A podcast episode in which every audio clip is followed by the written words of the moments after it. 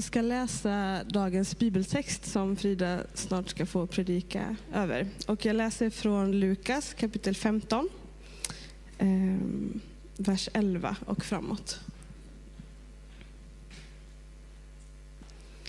Han sa, en man hade två söner. Den yngste sa till fadern, Far, ge mig den del av förmögenheten som ska bli min. Då skiftade fadern sin egendom mellan dem. Några dagar senare hade den yngste sonen sålt allt han ägde och gav sig iväg till ett främmande land. Och där slösade han bort sin förmögenhet på ett liv i utsvävningar. När han hade gjort av med allt så blev det svår ehm, eh, när han hade gjort av med allt så blev det svår hungersnöd i landet och han började lida nöd. Han gick och tog tjänst hos en välbärgad man i det landet och denne skickade ut honom på sina ägor för att vakta svin. Han hade gärna velat äta sig mätt på fröskidor som svinen hade eh, som svinen åt, men ingen lät honom få något. Då kom han till besinning och tänkte, hur många daglönare hos min far har inte mat i överflöd och här svälter jag ihjäl. Jag ger mig av hem till min far och säger till honom, Far, jag har syndat mot himlen och mot dig. Jag är inte längre värd att kallas din son. Låt mig få gå som en av dina daglönare. Och han gav sig av hem till sin far. Redan på långt håll så fick fadern syn på honom. Han fylldes av medlidande och sprang emot honom och omfamnade och kysste honom. Sonen sa, Far, jag har syndat mot himlen och mot dig. Jag är inte längre värd att kallas din son. Men fadern sa till sina tjänare, skynda er att ta fram min finaste dräkt och klä honom i den och sätta en ring på hans hand och skor på hans fötter och hämta gödkalven och slakta den så ska vi äta och hålla fest. Min son var död och lever igen. Han var förlorad och är återfunnen och festen började. Men den äldste sonen var ute på fälten. När han eh, på vägen hem närmade sig huset så hörde han musik och han hörde dans. Han kallade på en av tjänarna och frågade vad som stod på. Tjänaren svarade. Din bror har kommit hem och din far har låtit slakta gödkalven därför att han har fått tillbaka honom välbehållen. Då blev han arg och ville inte gå in. Fadern kom ut och försökte tala honom till rätta, men han svarade, här har jag tjänat dig i alla dessa år och aldrig överträtt något av dina bud. Och mig har du aldrig gett ens en killing att festa på med mina vänner. Men när, han hade, men när han kommer hem, din son, som har levt upp din egendom tillsammans med horor, då slaktar du gödkalven. Fadern sa till honom, mitt barn, du är alltid hos mig och allt mitt är ditt. Men nu måste vi hålla fest och vara glada, för din bror var död och lever igen. Han var förlorad och är återfunnen.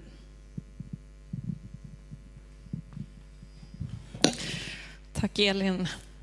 Ja, Jesus, jag ber att du ska välsigna oss nu, att du ska öppna våra öron och våra hjärtan så vi hör det som du vill att vi ska höra, Gud.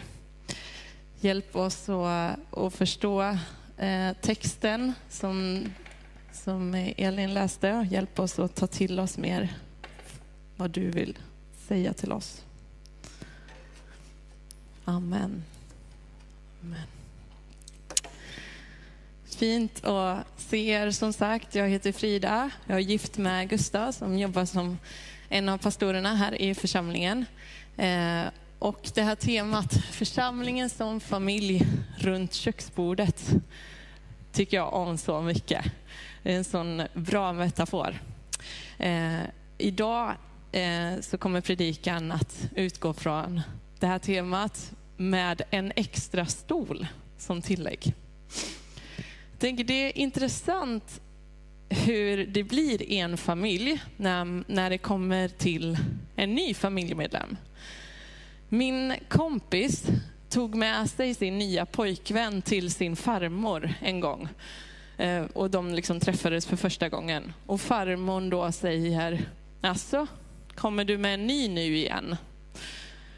Kanske inte så det som man känner är det bästa att höra så, det första som händer.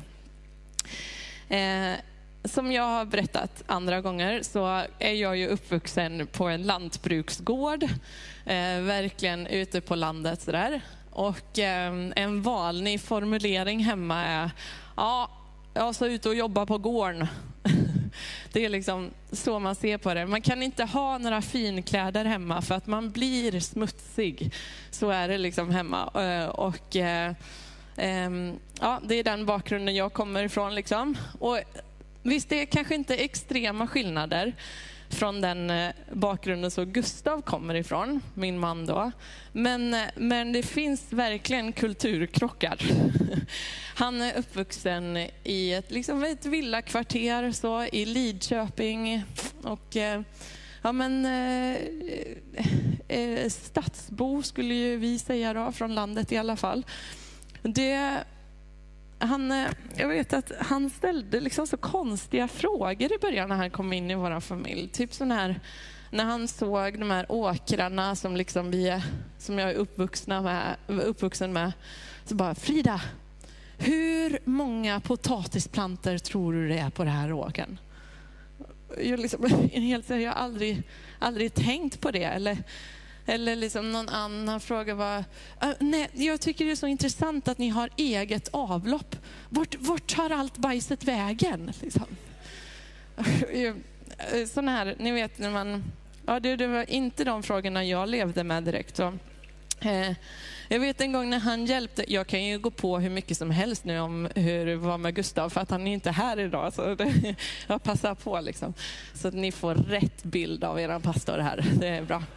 Nej, men, eh, jag vet en gång när han hjälpte farfar eh, nere någonstans i laggården och sådär och försökte liksom, ni vet så här, det är bra att, att vara på god fot med, med farfar så liksom, komma in i familjen här. Ehm, så han ställde ju frågor och var liksom, försökte socialisera sig och så. Och det är liksom inte alltid riktigt det sättet man umgås på hemma på, på landet när man liksom jobbar tillsammans. Och där.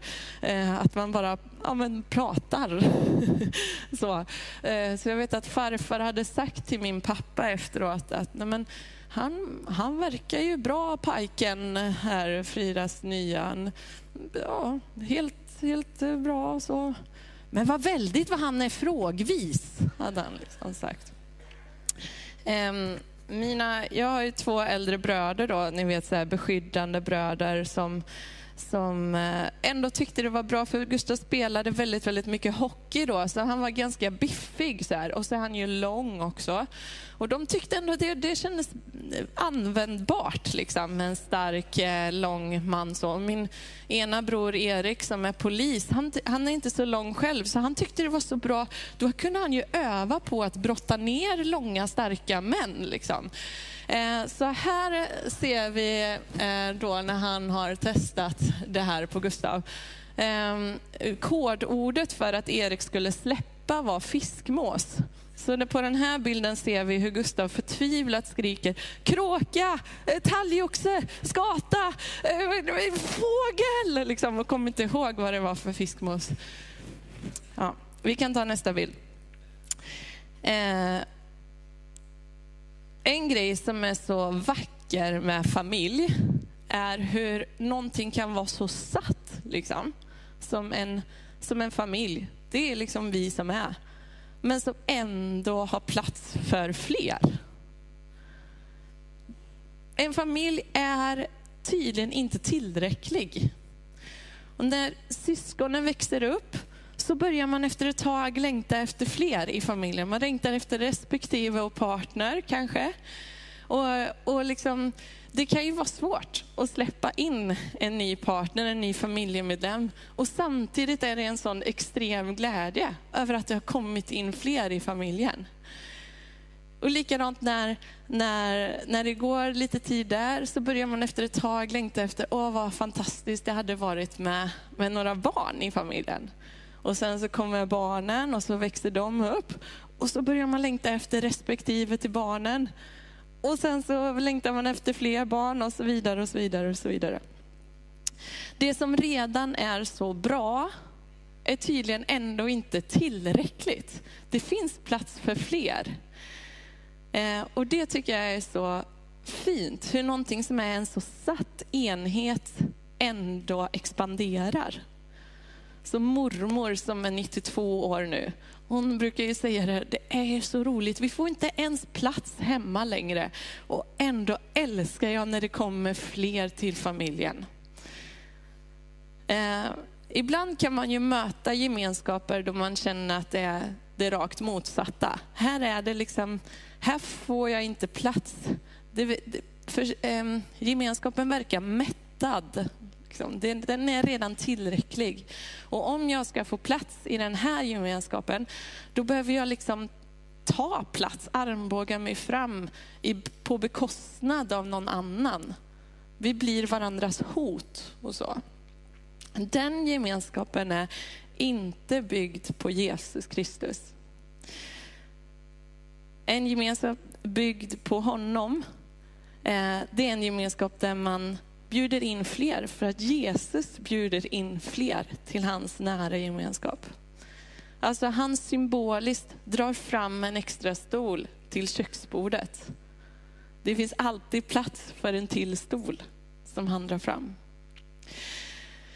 I Lukas evangelium i Nya Testamentet, eh, då så i kapitel 15, så berättar Jesus om tre stycken liknelser, alltså tre stycken berättelser, som alla egentligen handlar om, de säger väldigt mycket, men de handlar om bland annat detta, att det är någonting som försvinner, någonting som är borttappat. Eh, och eh, hur, hur en person då letar efter de här och försöker få den med i gänget igen. Och alla tre berättelserna är väldigt, väldigt bra. Så läs gärna alla tre. Men vi ska djupdyk, eller koncentrera oss lite mer på den berättelsen som Elin läste här innan.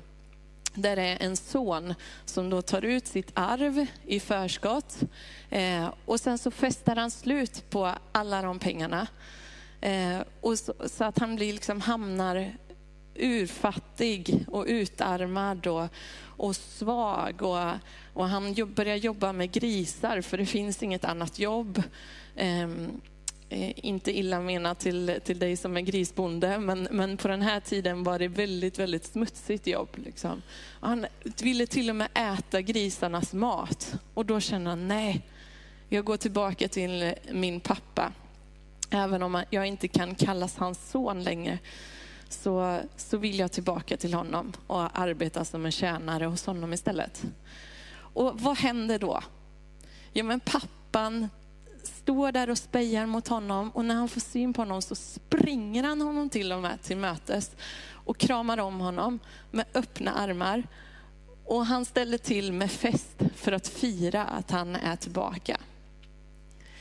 I alla de här tre berättelserna eh, i Lukas 15 så är det Jesus som är den personen som bjuder in. Jesus är pappan i den här berättelsen som bjuder in.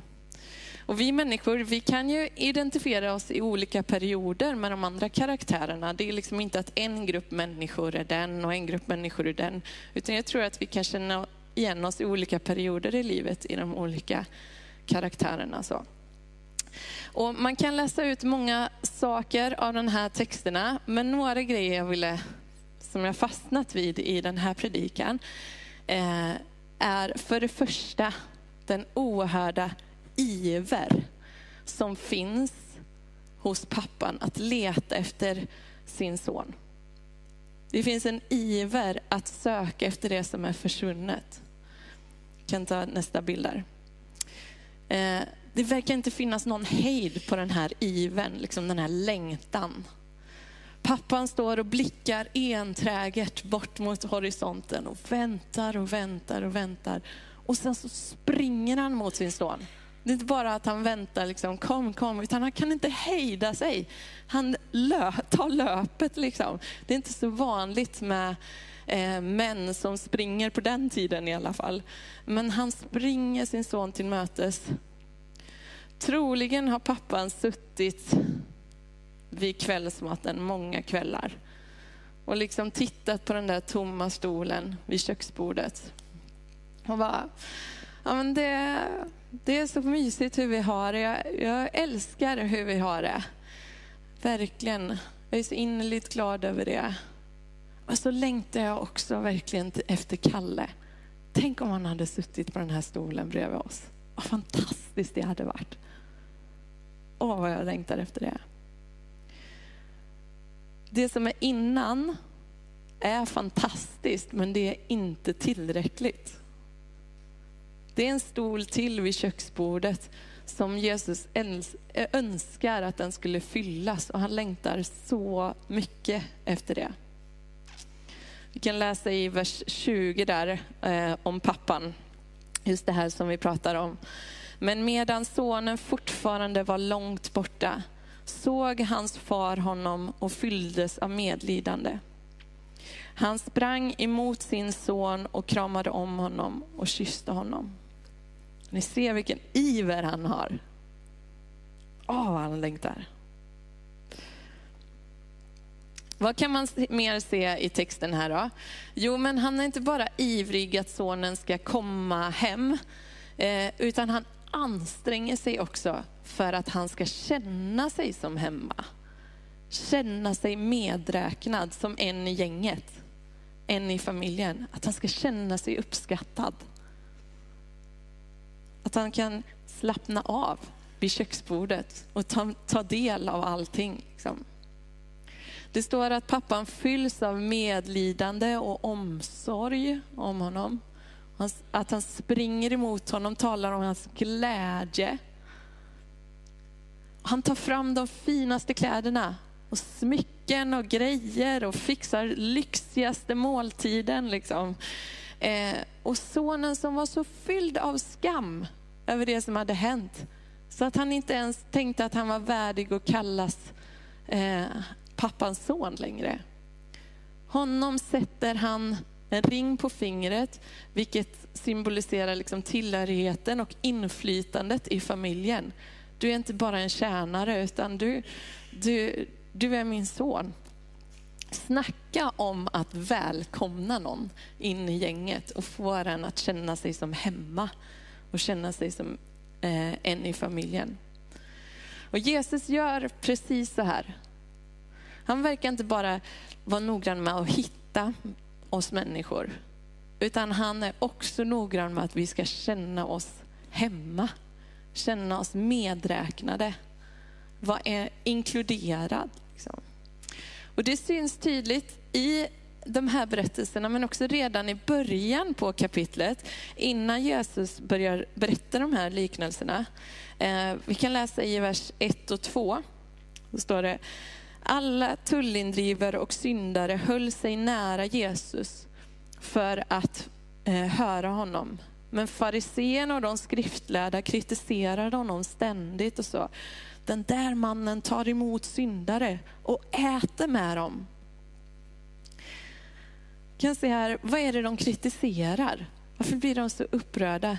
Jo, men det är inte bara att han tar emot syndare alltså, och, och liksom välkomnar dem. Du, du får gärna vara med här. Utan han äter också till och med dem. Med dem. Och det här är inte liksom att man råkar hamna bredvid någon på Subway liksom, eller eh, McDonalds, någon snabbmatskedja och när man bara ska trycka i sig sin burgare och sen dra vidare. Liksom. Utan att man äter tillsammans med någon på antiken var att nu delar vi något intimt och nära. Vi är, vi är så här. Liksom. Eh, och det gör Jesus med de här syndare, med, med nya människor. Eh, som, vi alla, som vi alla är på olika sätt. Han välkomnar till en nära och djup gemenskap med oss och tar in oss som familjemedlemmar. Det är intressant att se eh, men hur gör vi när vi gör detta? Hur kan vi få varandra och andra att känna sig som hemma vid köksbordet och som en del av familjen? Hur, på vilket sätt känner du dig som inkluderad kan vi inte vända oss till varandra, bara den du sitter bredvid och, och, och berätta, men på det här sättet, då, då känner jag mig som hemma. Då känner jag mig som en i gänget några olika exempel här bara som jag tänker på. Kanske kan man till exempel göra som Jesus då och äta tillsammans eh, med varandra. Wesley han hade ju för ett tag sedan eh, en så bra predikan om just den här måltidsgemenskapen. Att, att faktiskt eh, bjuda in varandra hem till sig och fika tillsammans, äta tillsammans. Och kanske kan det vara faktiskt någonting som du kan göra redan nu här. Och det det gör vi ju på många sätt redan också. Men tänk er här på fika till exempel efter gudstjänsten. Eh, hur kan vi vara inbjudande och inkluderande då? Till exempel så kanske man kan börja på ett nytt bord istället för att sätta sig så att det blir fullt vid ett bord. Det skulle kunna vara en grej. Det kan vara mycket lättare eh, för, för en ny person och, och liksom när det inte är fullt överallt. Eller att vända sig till någon och bara, men här finns en extra stol. Eh, här får du plats. Jag tror att vi både de som är nya och de som är gamla i gamet kan ställa sig den frågan när man kommer till fikat ganska mycket. Vart, vart får jag plats? Är det någon som vill sitta bredvid mig? Det finns en ganska osäkerhet kring den här matgemenskapen. Liksom. Eh, och vad mycket det hjälper då att det är någon som skjuter ut en stol. Här får du plats. Eller någon som säger, där borta kan vi sitta, häng på mig. Och det här kan vi få göra för att inkludera varandra.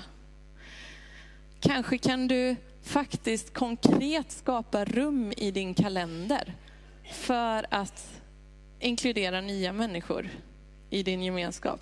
Och det här kan vara eh, lite knivigt och krångligt ibland, för oftast så har vi inte så mycket rum i vår kalender. Utan vi kan behöva faktiskt eh, säga, säga nej till vissa grejer för att ha rum för nya människor i vårt liv. Men där var att vi ska få komma ihåg att det vi gör, det är av evighetsvärde. Det finns få grejer som man kan satsa sin tid på så mycket som sånt som faktiskt består in i evigheten. Det är ju fantastiskt. Eller som pappan gjorde.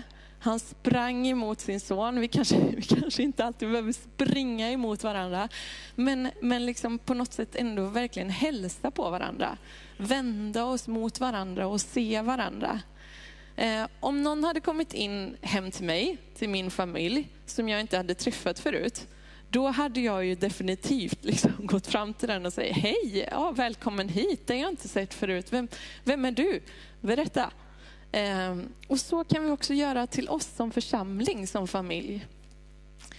Eh, Istället för att liksom vända, det kan ibland vara mer bekvämt att vända sig till varandra och bara, har du sett den där personen där borta? Jag vet inte riktigt om jag har sett den förut. Vet du vems, vems pojke det är? Liksom. så, här, eh, så kan vi få gå fram till varandra och, och liksom möta varandra om vi inte har träffat varandra förut. Eller kanske som, eh, som, eh, som Helena och Erik gör här och några, att faktiskt sätta sig lite längre fram i gudstjänsten. Det kan vara någonting, för är man ny så vill man liksom inte ta de tomma platserna längst fram. Det vågar man inte kan jag ju säga. Och det har ni säkert erfarenhet av själva. Men vi som är lite mer gamla i gamet kan faktiskt ta de platserna som är längre fram. Så det blir lättare för nya människor att komma in här eh, och känna att jag kan liksom eh, ta det lite mer eh, lay back här bak och bara se lite vad som händer. Så. Olika exempel bara. Eller jag tänker om Jesus hade suttit vid köksbordet så tror jag verkligen att han hade använt ett inkluderande språk. Det finns så mycket som vi gör här på gudstjänster eller i församlingar och så som, som kan behöva förklaras till exempel. Och du kanske sitter här idag som bara undrar vart i hela friden du har hamnat. Och undrar, det är så mycket märkliga grejer man gör. Så våga jättegärna fråga någon annan. Eh, vad, är det, vad är det som händer? Varför gör man så här och så? Och vi andra kan eh, också tänka på att grejer kan behöva förklaras. Det som, man, det som man ser är att även den som är uppvuxen i en församling kan behöva ha ganska mycket förklarat till varför man gör grejer också. Till exempel den här meningen eh, som vi sjunger ibland. O, det dyra Jesu blod som tvår mig vit som snö. Den är så stark, eller hur? För den som fattar, då är den jättestark. Annars är den ganska läskig och märklig. O, det dyra Jesu blod som tvår mig vit som snö. Jag pratar aldrig så annars. Det kan bara för, behöva förklaras. Vi behöver inte ta bort det här som kan vara starkt för oss, men att vi är inkluderande. Nu alldeles strax här ska vi få se på ett kort filmklipp på två stycken filurer som är extremt duktiga på det här att inkludera nya i sin tajta gemenskap.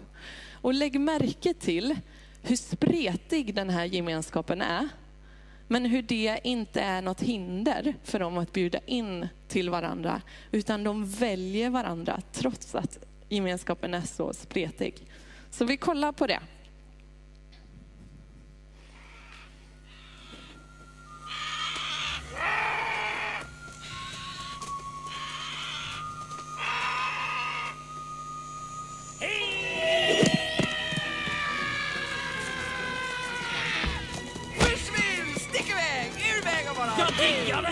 Bowla med gamar! Strike varenda gång! Åh, åh. Du Timon, släng ett öga hitåt. Jag tror han lever.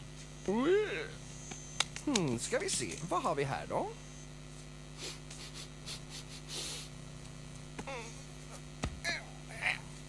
Ah, det är ett lejon! Spring Bubba, sno på! Men Timon, det är ju ett litet lejon. Titta på honom. Han är så söt och alldeles ensam. Ska vi behålla honom? Pumba, är du knäpp? Du snackar om ett lejon! Lejon käkar sådana som vi. Han är ju så liten. Han kommer att bli större. Han kan bli en av oss. Det var det mest korkade jag hört. Han kan bli du. Jag har det. Om man kan bli en av oss. Hör, att ha ett lejon i närheten är ingen dum idé. Så han får stanna då? Ja, visst. Vem är hjärnan av oss två? Exakt min åsikt. Puh, jag kokar. Vi sticker någonstans där det är skugga. Och sen så tar de med lejonet till en oas där de ger honom vatten, uppmuntrar honom, hjälper honom att komma på fötter. Och sen så blir de så tajta med varandra så de hänger ihop i vått och torrt. Visst är det vackert? Jag tycker de är sådana exempel på det här. Den sista grejen som jag tänker på utifrån bibeltexten som vi läste är vad gör de när de har hittat det. Vad gör pappan när han har hittat sin son, när han har kommit tillbaka? Jo, men han ställer till med fest. Det är inte alltid enkelt att bjuda in en ny person i familjen. Saker förändras, man kan behöva rucka på grejer, eh, man kan behöva stretcha sig och möta en ny människa i det nya. Men pappan ställer till med en festmåltid och bjuder in andra i en stor glädje över en ny familjemedlem. Jag tror att festen och glädjen kan liksom överbrygga även de mest kluriga situationer som vi kan hamna i. Ni vet när det kan bli sådär stelt vid köksbordet för att man känner att oh, här tycker vi olika och vi kommer från olika bakgrunder och hur ska det gå med det här? Liksom? Då kan glädjen och, och festen, ett stort gapskratt kunna få bryta isen och plötsligt så kan vi skratta åt att vi är olika istället för att det blir sådär stelt och jobbigt. Jesus bjuder in till fest vid köksbordet. Kan du dra till en extra stol till Tobias? Här är det fest. Det här, fy vad roligt att vi är så många vid köksbordet idag. Jag tycker så mycket om honom. Ibland, ibland så kan det till och med vara så att Jesus frågar mig ifall jag kan byta plats med Tobias. Tobias till exempel, eller Kalle, eller eh, vem det kan vara. att byta plats med Tobias så att han kommer lite närmare Jesus och verkligen känner sig som en i gänget. Det gör Jesus utifrån att han har ett sånt förtroende för vår relation. Det handlar inte om att förskjuta mig till fördel för Tobias, utan det är för att han, eh, eh, ni vet, det var så den här hemmavarande sonen kände. Han kände sig förskjuten. Här har jag slavat under dig i alla år, säger han till sin far. Och sen så kommer du och liksom slakta gödkalven för den här brorsan som kommer. Eh, nej, men så, så menar inte Jesus. Utan han, eh, det handlar om att han tar med oss i sin längtan och sina tankar. Att bjuda in andra människor till festen. Vi har det så himla fint ihop Frida och jag är så glad för vår relation. Kom nu så fixar vi fest för Tobias. Vi gör det tillsammans.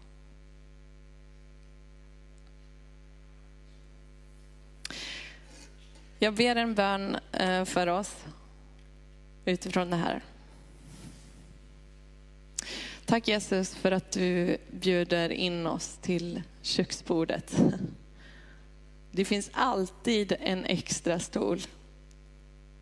Gemenskapen runt dig är aldrig tillräcklig. Tack för det Gud. Tack för att oavsett om vi är vi har gått med dig länge eller om vi liksom inte har lärt känna dig än, Jesus, så, så finns det plats hos dig. Tack Jesus för att du också drar med oss i den här inbjudan, att vi kan få dra till en stol till, till, till eh, köksbordet Jesus. Hjälp oss att få det hjärta som du har, Gud. Låt oss få bli mer lika dig i detta, Herre. Tack för det fantastiska din stora längtan och din stora kärlek för, för mig, för oss och för andra, Jesus. Låt oss ta till oss den idag, Herre. I Jesu namn. Amen.